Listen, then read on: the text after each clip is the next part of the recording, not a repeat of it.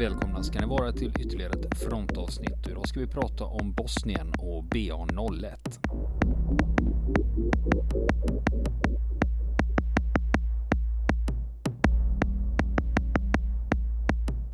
Och nu fortsätter vi våran intervju med Magnus Ernström. Men det gällde någonting när det gällde evakueringen och flyktingarna. Jo, eh, vi släppte av dem här i Dabravine, vilket var eh, otroligt eh, stort och påverkande i sig. Som, som jag sa, något som har satt sig i minnet på mig. Men på vägen därifrån så fick vi också lite jobbigt därför att eh, eh, då visste ju alla vad vi hade ställt till med. Och då förstod nog även eh, den av parterna som hade gjort bort sig att, att eh, de hade nog kanske lite större slack än de hade haft annars att ställa till med elände för FN. Samtidigt så var de ganska stukade för de förstod också att det här kommer ju att komma ut. Men eh, vi ska ju ta oss tillbaka och då har vi ju ingen aning om hur vi kommer att bemötas.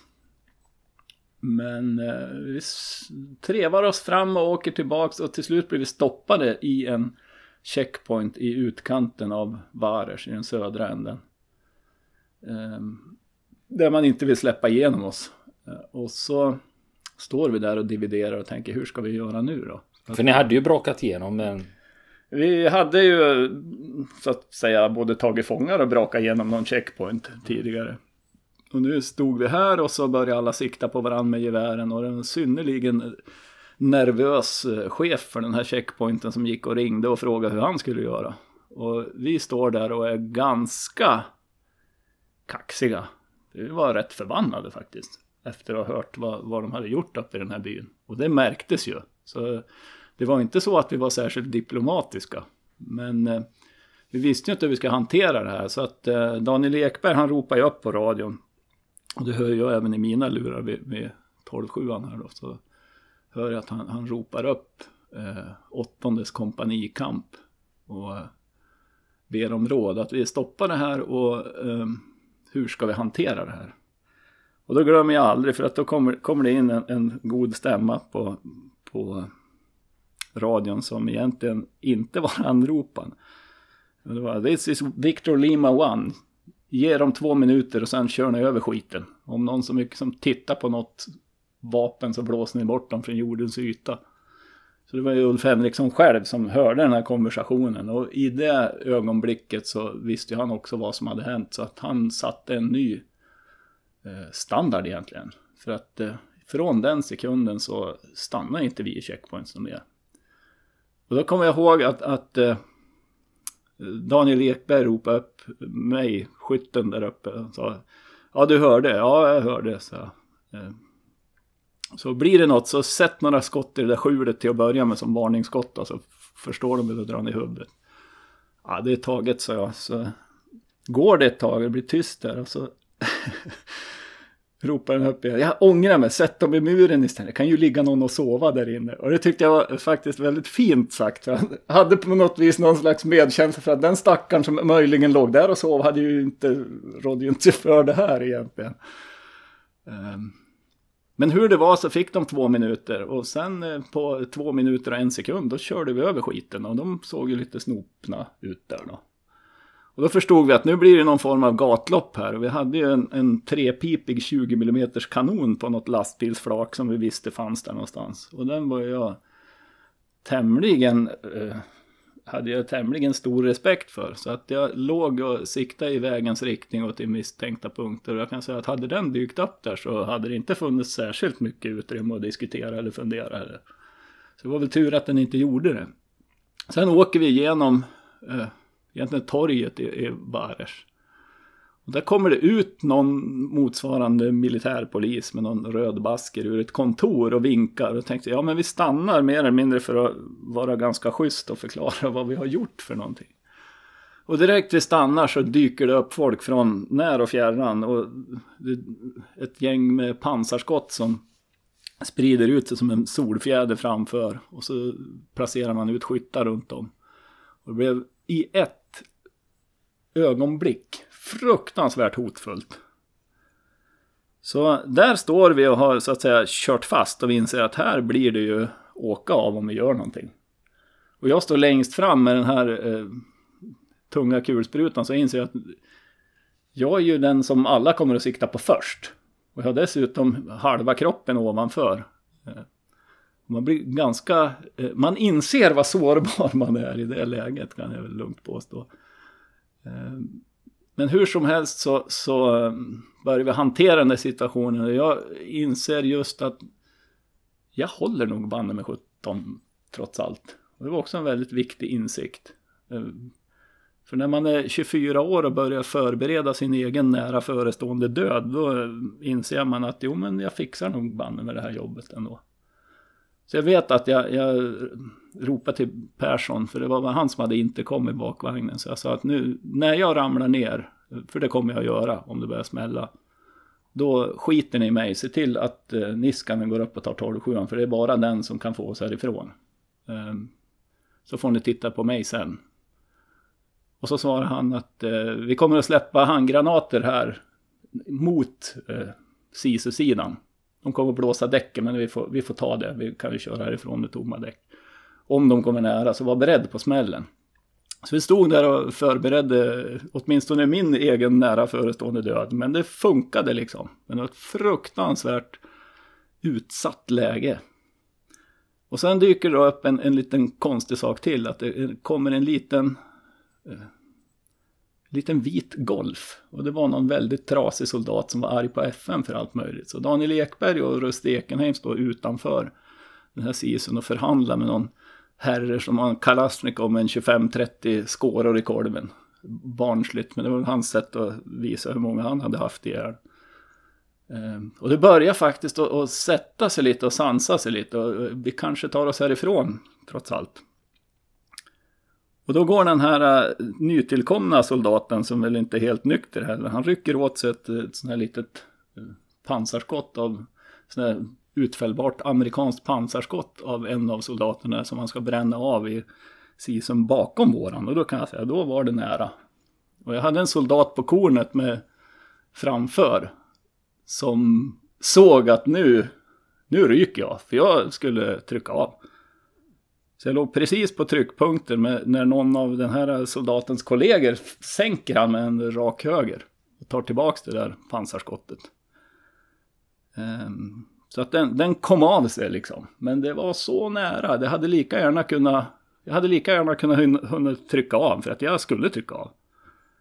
Så jag hann precis bromsa rörelsen och så löste det sig på något sätt ändå.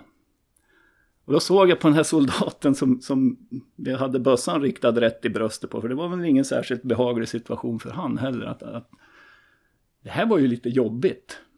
Så han började trampa av och an där. Och så hade vi en liten, en liten sån här grej i våran grupp. Att vi brukar blinka till varandra med ena ögat. Så jag stod där och såg ut som ett stenansikte. Och så lutade jag ut huvudet och blänger på den här stackaren mitt emot. Och så ger han en sån här blinkning och ett jättebrett leende. Och sen går jag tillbaks med den här stenansiktesminen igen. Och det där hade han inga möjligheter att hantera. Han blev ännu mer nervös. Så jag tänkte, nu har vi redan vunnit här i alla fall. För att han har ingen aning om hur han psykologiskt ska hantera oss överhuvudtaget. Men eh, det hela höll på att riktigt spåra ur tills det dyker upp en Toyota Jeep, bataljonschefens. Det var bara han som hade en sån eh, av den modellen. Och där kliver Ulf Henriksson ut och börjar ge alla order på båda sidor. Och så gör alla som han sa och så löstes allting. Så bara att han klev ut och började peka och domdera så gick luften ur hela situationen. Det var en fullständigt makalös upplevelse. Och jag tror att alla var ganska lättade att han gjorde det. Men eh, tillbaka till kampen och sen fanns det inte så mycket tid att, att vila. Utan det var att trycka i sig en limpmacka och försöka hinna äta upp en tallrik soppa. För då var Ulf Henriksson riktigt förbannad. När han fick rapporterna från vad man hade gjort med de här flyktingarna från Stupnido. Så efter det så klev han in i våran SISU och så åkte vi upp till Bobovac-brigadens högkvarter. Där då den normala befälhavaren hade blivit ersatt av det här rövargänget. Ehm, så han kliver ut och skäller ut dem efter noter. Och man försökte hela tiden spela med våra egna regler emot oss. Så, ehm, när han säger att klockan 14.00 går vi in i både skolan och Stopnido. Nu har ni skitit i det berömda blå. Då säger den här motparten att, att ja men ni, ni är ju FN, ni måste väl ändå skjuta varningsskotten då. Och då säger Ulf Henriksson, ja, varningsskottet sköt vi i torsdags. Eh, så han hade satt en ny nivå för, för vad vi var beredda att göra. Och det där märktes för att de började helt plötsligt. Dels hade de gjort bort sig och dels märkte de att nu backar inte vi längre. Vi har klivit in på en väg som eh, vi inte tänker vika undan ifrån. Vi ska se till att få ordning på det här eländet. Så att efter en 20 minuter så kommer deras fältarbetschef ut, sätter sig i sin vinröda vass niva och kör före oss och ser till att vi kommer in i Stopnido. Eh, och där rullar vi då in efter ganska lite problem. Vi kör så tätt mellan de här olika fordonen. Det stod en, en pluton ifrån eh, pansarskyttekompanierna där uppe och väntade på att åka in. Så att vi kör så tätt emellan så ingen ens ska hinna komma på den korkade idén och ställa sig i vägen för det blir bara dumt. Eh, och samtidigt då går man in i skolan nere i Vares. Eh, så att eh, i ett ögonblick egentligen så, så, tog vi initiativet och det behöll vi sen. Mm. Vad händer när ni kommer in i Stupnido? Eh, vi rullar ner för, ner för en, en, väldigt smal och brant väg. Och då har vi även fått sällskap av ett tv-team och ett antal journalister, vilket var riktigt bra. Eh, vi lärde oss ju att, att de kan förmedla saker som vi aldrig kan göra med våra torra rapporter och få ut det till, till världspubliken egentligen. Så att eh, Henriksson och Ekenheim kliver ur isen och går före ner tillsammans med journalisterna. Och så rullade vi ner för den här vägen. Och det var lite intressant därför att jag har bara åkt den vägen en gång i mitt liv. Och det var ju 25 år sedan. Men så var jag till Bosnien för några år sedan. Och så tog vi bevisligen samma väg in i Stopni då. Och då sa jag till, eh, jag körde en liten bil då. Så sa jag till eh, killen som satt bredvid mig. Du, ta upp kameran nu. Det är ett hus i änden på den här som jag vill ha kort på. Och då visste jag precis att där ligger ett hus som jag har kort på. Eh, och jag hade bara åkt där en gång tidigare, så det sattes i huvudet. Och jag, jag minns att utanför ett av husen så låg det en liten barnstövel nedtrampad i leran. Och den där kommer jag ihåg att vi, vi kommenterade och fokuserade på. Den glömmer vi nog aldrig synen av den här lilla nedtrampade barnstöveln utanför ett av de här husen. För alla hus var totalt förstörda. Det fanns inte ett enda kvar i helt skick. Så det, det är en hel by med som är skövlad. Vattenledningar står och rinner ur tomma husruiner. När vi rullar in så springer det folk i sina civilförsvarskläder vilt därifrån. För de har varit där för att städa. Vi ser att det har varit mycket trafik in och ut ur stan på grusvägen där. Så de har försökt städa undan det värsta. Men eh, de hade ju inte hunnit städa undan allt då. Så att eh, i pågående insats egentligen börjar på en gång ett Eh, Ehm, jobb för våra militärpoliser att säkra upp bevis för en, eh, en massaker helt enkelt. Så hela byn var ju skövlad och, och, man hade ju gått lös på allt. Småbarn i spjälsängar, det var kvinnor, barn. Eh, alla gamla farbröder eh, som man hade gett sig på. Och de flesta var bortstädade men det fanns tillräckligt mycket kvar för att vi ska tycka att det här var nog inte särskilt bra. Eh, det säkrades mycket bevis. En av de mest berömda, eh, eller berömda, men ökända eh, minnesbilderna som många har, det är ju tre kvinnor i en potatiskällare. Mormor, mor och dotter som har gömt sig där, eller försökt att gömma sig. Och så har man då gett sig på de här med alla möjliga medel. Men de sitter fortfarande kvar i den här potatiskällan och håller varandras armar. Ehm, så det säger väl det mesta.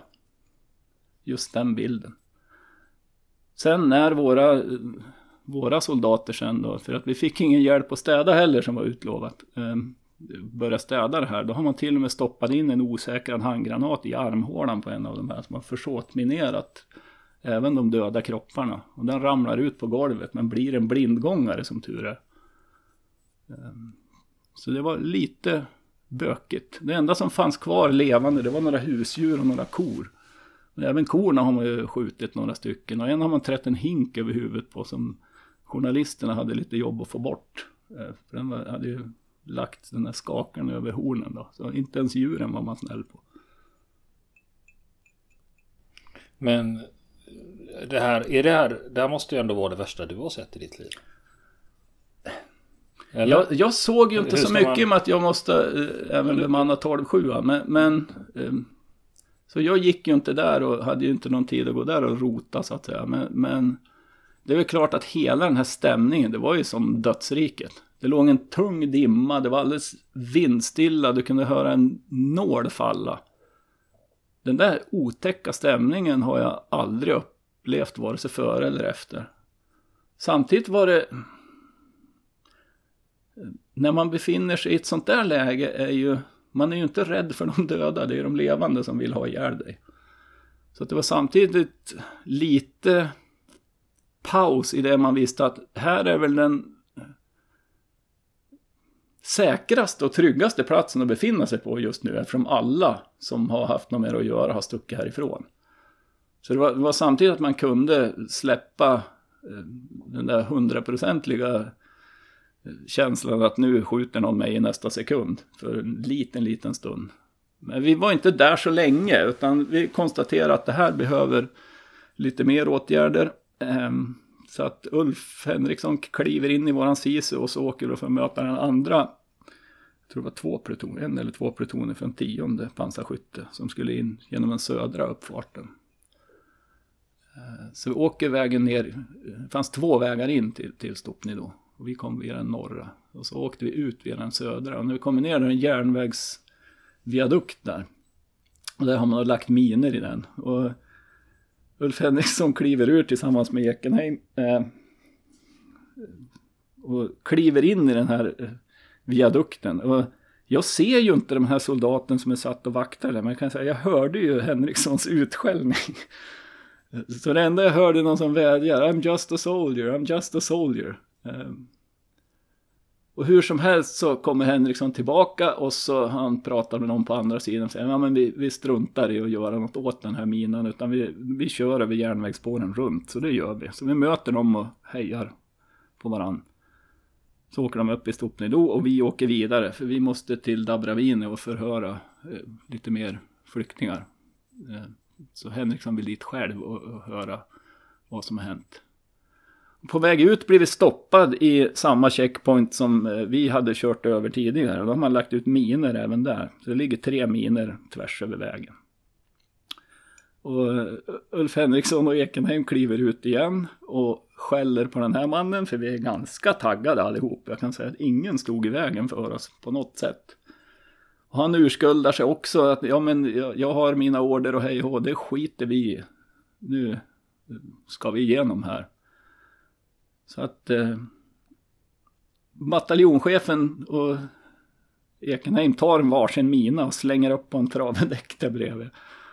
Eh, och eh, sen, sen kommer jag ihåg att, att eh, i den här utskällningen så såg det lite lustigt ut därför att eh, Eh, Ulf Henriksson han står och skäller på den här soldaten och pekar och han pekar bland annat på mig på, i, vid den här tunga kulsprutan och jag är ju med i matchen.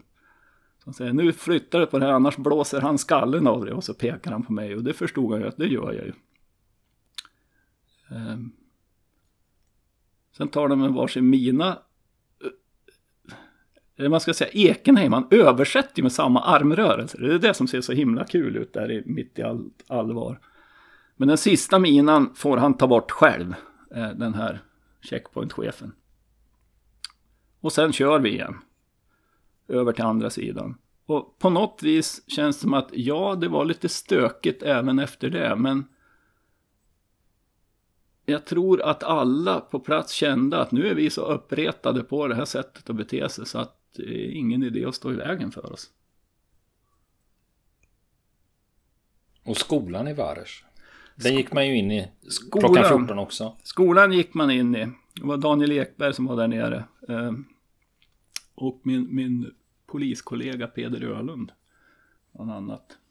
Och där gick man in och hittade då ett, ett, större antal människor som har blivit fruktansvärt utsatta för våld och tortyr. Um, jag vet att Peder han gick ner i källaren där på den här skolan och gick in i något rum och så kände jag att fötterna fastnar i golvet och det luktar fruktansvärt där. Då är det något rum där man har använt både som toalett och vette sjutton allt annat. Så det är fullt av både blod och avföring hela golvet. Så han fastnar i det golvet. Och när han kommer in i den här skolsalen så är det först, som Peder uttryckte jag, jag kan inte förstå att så många människor kan göra så lite ljud ifrån sig. För de vet ju inte vem som kommer in. Så man kände skräcken, sa han, att, att, att de förstod verkligen att nu är förmodligen min sista stund kommen. Ehm. De kunde inte, kunde inte, våga inte heller prata för mycket, men de hittade någon som kunde lite svenska och så var de fler FN-soldater än, eh, än vakter, så att de lyckas lura isär dem där. För att de vill ju inte, vi kommer ju inte kunna ta med dem någonstans. De ville ändå försöka få ut vad som har hänt. Ehm. Och då måste man ju göra det på ett sätt så att ingen får repressalier för att de har sagt för mycket sen. Så de lyckas lura isär de där vakterna tillräckligt mycket. För att få lite rapporter och det var ju fruktansvärda övergrepp man hade begått även där. Man hade tvingat någon, någon far och son att slåss på liv och död med kniv bland annat. Man hade sparkat någon i underlivet så pass att han hade svällt upp som en fotboll. Man hade avrättat folk mot väggen. Eh, det vi fick reda på senare var att det hade blivit mycket lugnare sen vi började bevaka skolan. Eh, och som avslutning på det här så ställer sig Daniel Ekberg och håller ett riktigt brandtal till de här. Att bara så att ni vet, från och med nu så vet vi att ni finns här, vi vet vad ni heter, vi vet vilka ni är. Och från och med nu så kommer ingen att kröka ett hår på er, för det kommer vi att sätta stopp för. Och det blir synnerligen väl mottaget. Eh, så att eh, även där sätts det en ny standard och det fick jag också reda på sen att ingen vågade kröka ett hår på dem. Men det vi också får reda på är att de allra mest skadade som fanns där, de hade man kört iväg eh, i någon transport strax innan vi, vi hade kommit på plats. Och de vet ingen var de tog vägen. Så de försvann ju för gott. Men när man lämnar, då är det fortfarande fångar, eh, civilbefolkningen är fortfarande fångar på skolan och vakterna finns kvar. Civilbefolkningen är fångar och vakterna finns kvar. Men eh, vi har sagt att från och med nu så kommer vi gå in och räkna alla eh, ett antal gånger per dygn. Och de är så pass stukade då ändå. Efter nyheten om Stopnido. När de ser att hela världspressen börjar vakna till. Så att det egentligen är inte ja, vi är kaxiga och visar att vi inte viker oss. Det, det, är en omedelbar fara, men den kan folk oftast hantera på något sätt. Men vetskapen att nu blir jag uthängd som krigsförbrytare för hela världen och då kommer jag inte ha min egen ledningsstöd till fullt heller. Den gjorde en jädra nytta.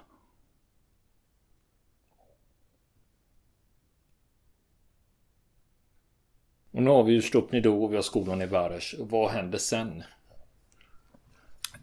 Efter det. För nu har ni ju satt en ny standard. Nu satte vi liksom, en ny standard. Så här, så, här, så här beter sig svenska bataljonen i det här området. Ja. Och jag tycker mig märka att vi fick ju respekt från alla parter. För att jag tror att alla tyckte det var ganska skönt att någon sa stopp någon gång. Ehm, men det som hände i Vares, vår, vår vardag blev lättare. Men det skulle ju inte vara särskilt många dagar då. Därför att när, när den bosniakiska sidan fick reda på det här, då eh, skickade man hela den så kallade sjunde muslimska brigaden för att inta Vares. Vilket ställer till ännu mer elände, för det är som sagt oavsett vilken sida som, som är igång och krigar så är det alltid civilbefolkningen som blir lidande av det. Eh, och det där ryktet spreds ju ganska fort. Vilket fick till följd att hela den här strukturen som, som HVO hade och upprätthöll i Vares, den föll, föll isär. Så att man flydde egentligen hals över huvud rätt vad det var en dag. Och lämna hela Vares tomt, oförsvarat. Um, och där står vi mitt i och ska vänta då på ytterligare något som vi inte vet vad det är. Men det vi visste var att ingen av sidorna här är ju riktigt eh, lätt att ta och göra med. Det blir ofta plundringar och övergrepp i, i fotspåren. Eh, Stopnido var ju en hämnd för Kopiari egentligen. Eller för, för eh, händelserna just i den, den offensiven. Och sen kommer det en hämnd till på Stopnido. Börjar man hämnas så tar det liksom aldrig slut. Ehm. Så att hela stan blir plötsligt tom, man lämnar allt. Ställningar, hus, man sätter eld på det här sporthotellet. Sen uppstår det ett litet glapp. Och just den här erfarenheten att känna hur det, hur, även om det var ett, ska man säga, ett, ett system och ett styre med många brister så var det ändå ett styre. Men när det lämnar, då blir det ett ingenmansland där all civilisation upphör. Och jag tror att det fanns väldigt mycket människor kvar inne i Vares, men man ser ingenting. Det är helt dött. I den mån det fanns folk kvar där så har de låst in sig någonstans och gömt sig. Så det var totalt folktomt överallt. Inga soldater, ingen civilbefolkning. Och ändå känner man att det finns folk här någonstans som, som tittar ut och har, har någon uppsikt över det här. Men i, i, det ögonblicket då skulle man lika gärna kunna vara på månen. För man känner att händer det oss någonting här nu så finns det liksom ingen civilisation bakom. Det är den vi möjligen för med oss själv och den slutar utanför pansarplåten. Det är fullständigt ociviliserat. Och så känner man då i luften hur, hur den här sjunde muslimska brigaden närmar sig. Jag brukar när, likna det vid tanken i i den här Saving Private Ryan finns det någon sekvens där de sitter och lyssnar på grammofon när, när de här tigerstridsvagnarna närmar sig. Och det mullrar liksom mer och mer. Precis den känslan fick man. Någonting stort kommer här, jag har ingen aning om hur det kommer att sluta. Ehm. Sen kommer de första enheterna, de får ju en promenadseger, det finns ju inget motstånd. Jag vet att vi åker och patrullerar och den sidan skjuter ju också på så det stryker några kulor alldeles vid öronen. Så det var ju mindre trevligt då. Men vi åker förbi en polis som har stannat kvar och ska försöka upprätthålla civilisationen. Så han vinkar åt oss och så kör vi en vända och vänder. 400 meter bort. När vi kommer tillbaks då ligger han ihjälskjuten och nersparkad i ett dike. Så det funkar tydligen inte så bra det där som man hade tänkt. Han kanske tillhörde den sidan men det, det hjälpte inte bevisligen. De plundrar någon hattaffär så det går omkring folk i damhattar och sombreros med MG42 och Kalashnikovs och allt möjligt beväpnade till tänderna. Ehm. Vi försöker att hindra plundring så gott det går där vi är, men det går ju inte fullt ut då. Men vi får faktiskt ett jättestort tack av, av eh, Varers borgmästare sen, som eh, tillhörde samma folkliga sida så att säga. Att eh, de var väldigt tacksamma att stan står kvar överhuvudtaget, för det hade hon inte väntat sig. Eh, men lite hett blir det även där. Sen går de som en gräshoppsvärm genom stan och sen är de borta. Och sen går det väl någorlunda tillbaks till normala eh, göromål. Men eh, något vi märkte redan där, det var att Ulf Henriksson hade gjort sig ett riktigt namn på båda sidor. Särskilt när vi ingrep lika handfast mot den invaderande sidan också. För de tog också fångar och satte i skolorna, men då såg vi till redan från början att det, det gjordes på rätt sätt. Ehm, och de blev väl inte väl behandlade men de blev i alla fall inte så illa behandlade och torterade som de, de förra. Och just det här att inte välja sida fick vi ju faktiskt... Vi fick ju möta båda sidor så att säga. Och de såg att vi valde inte sida, vi valde civilbefolkningens sida och det, det gav en himla respekt. Så att precis när den här sjunde muslimska brigaden är på ingång, de har en liten bataljon kopplad till sig som inte var så välsedd. Och det var, det var en Mujahedin-bataljon där även Osama bin Laden var en del av faktiskt. Så han fanns väl någonstans där i den där högen. Och vi hade ju växt och fått lite smått hybris av våra ändå förhållandevis framgångar här nere. Så att jag, jag kommer ihåg att eh, vi åkte runt där i våran lilla SISU. Hade vi plutonchefen som eh, som vagnchef. Och var väl fyra, fem personer till. Vi hade inte ens någon tolk med oss faktiskt. Och så ropar någon upp och säger, kan ni åka och förhandla loss? Det sitter en kanadensisk konvoj fast i södra änden av Vares. Jaha, tänkte jag, men vi är ju liksom fyra, fem personer, vad ska vi göra åt det? Men vi åker väl dit och tittar. Och så kommer vi dit och då ser vi vad som har fått stopp på den här konvojen. Så det står en, jag tror det var 17 fordon.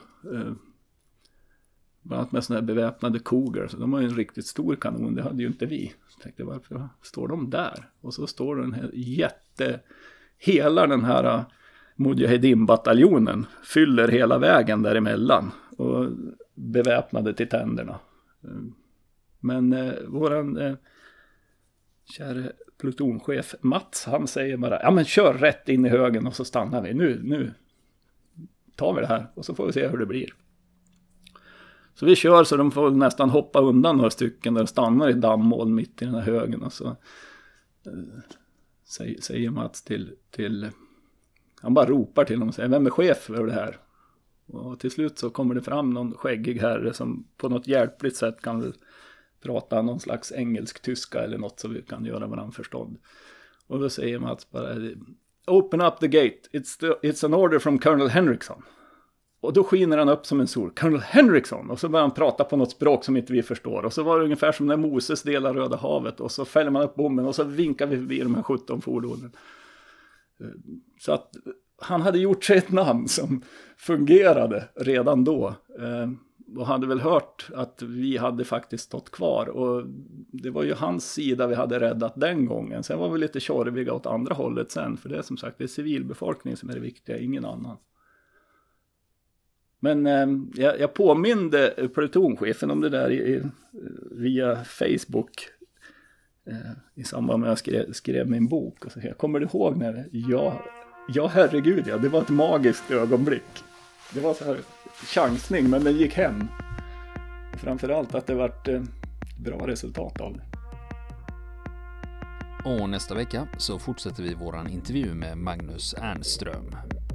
Vill ni komma i kontakt med oss så kan ni göra det via vår Facebook-sida som heter Fronten. Det är inga problem för er att leta er fram där. Eller också så mejlar ni på vår mejladress och det är frontenpodcast.gmail.com.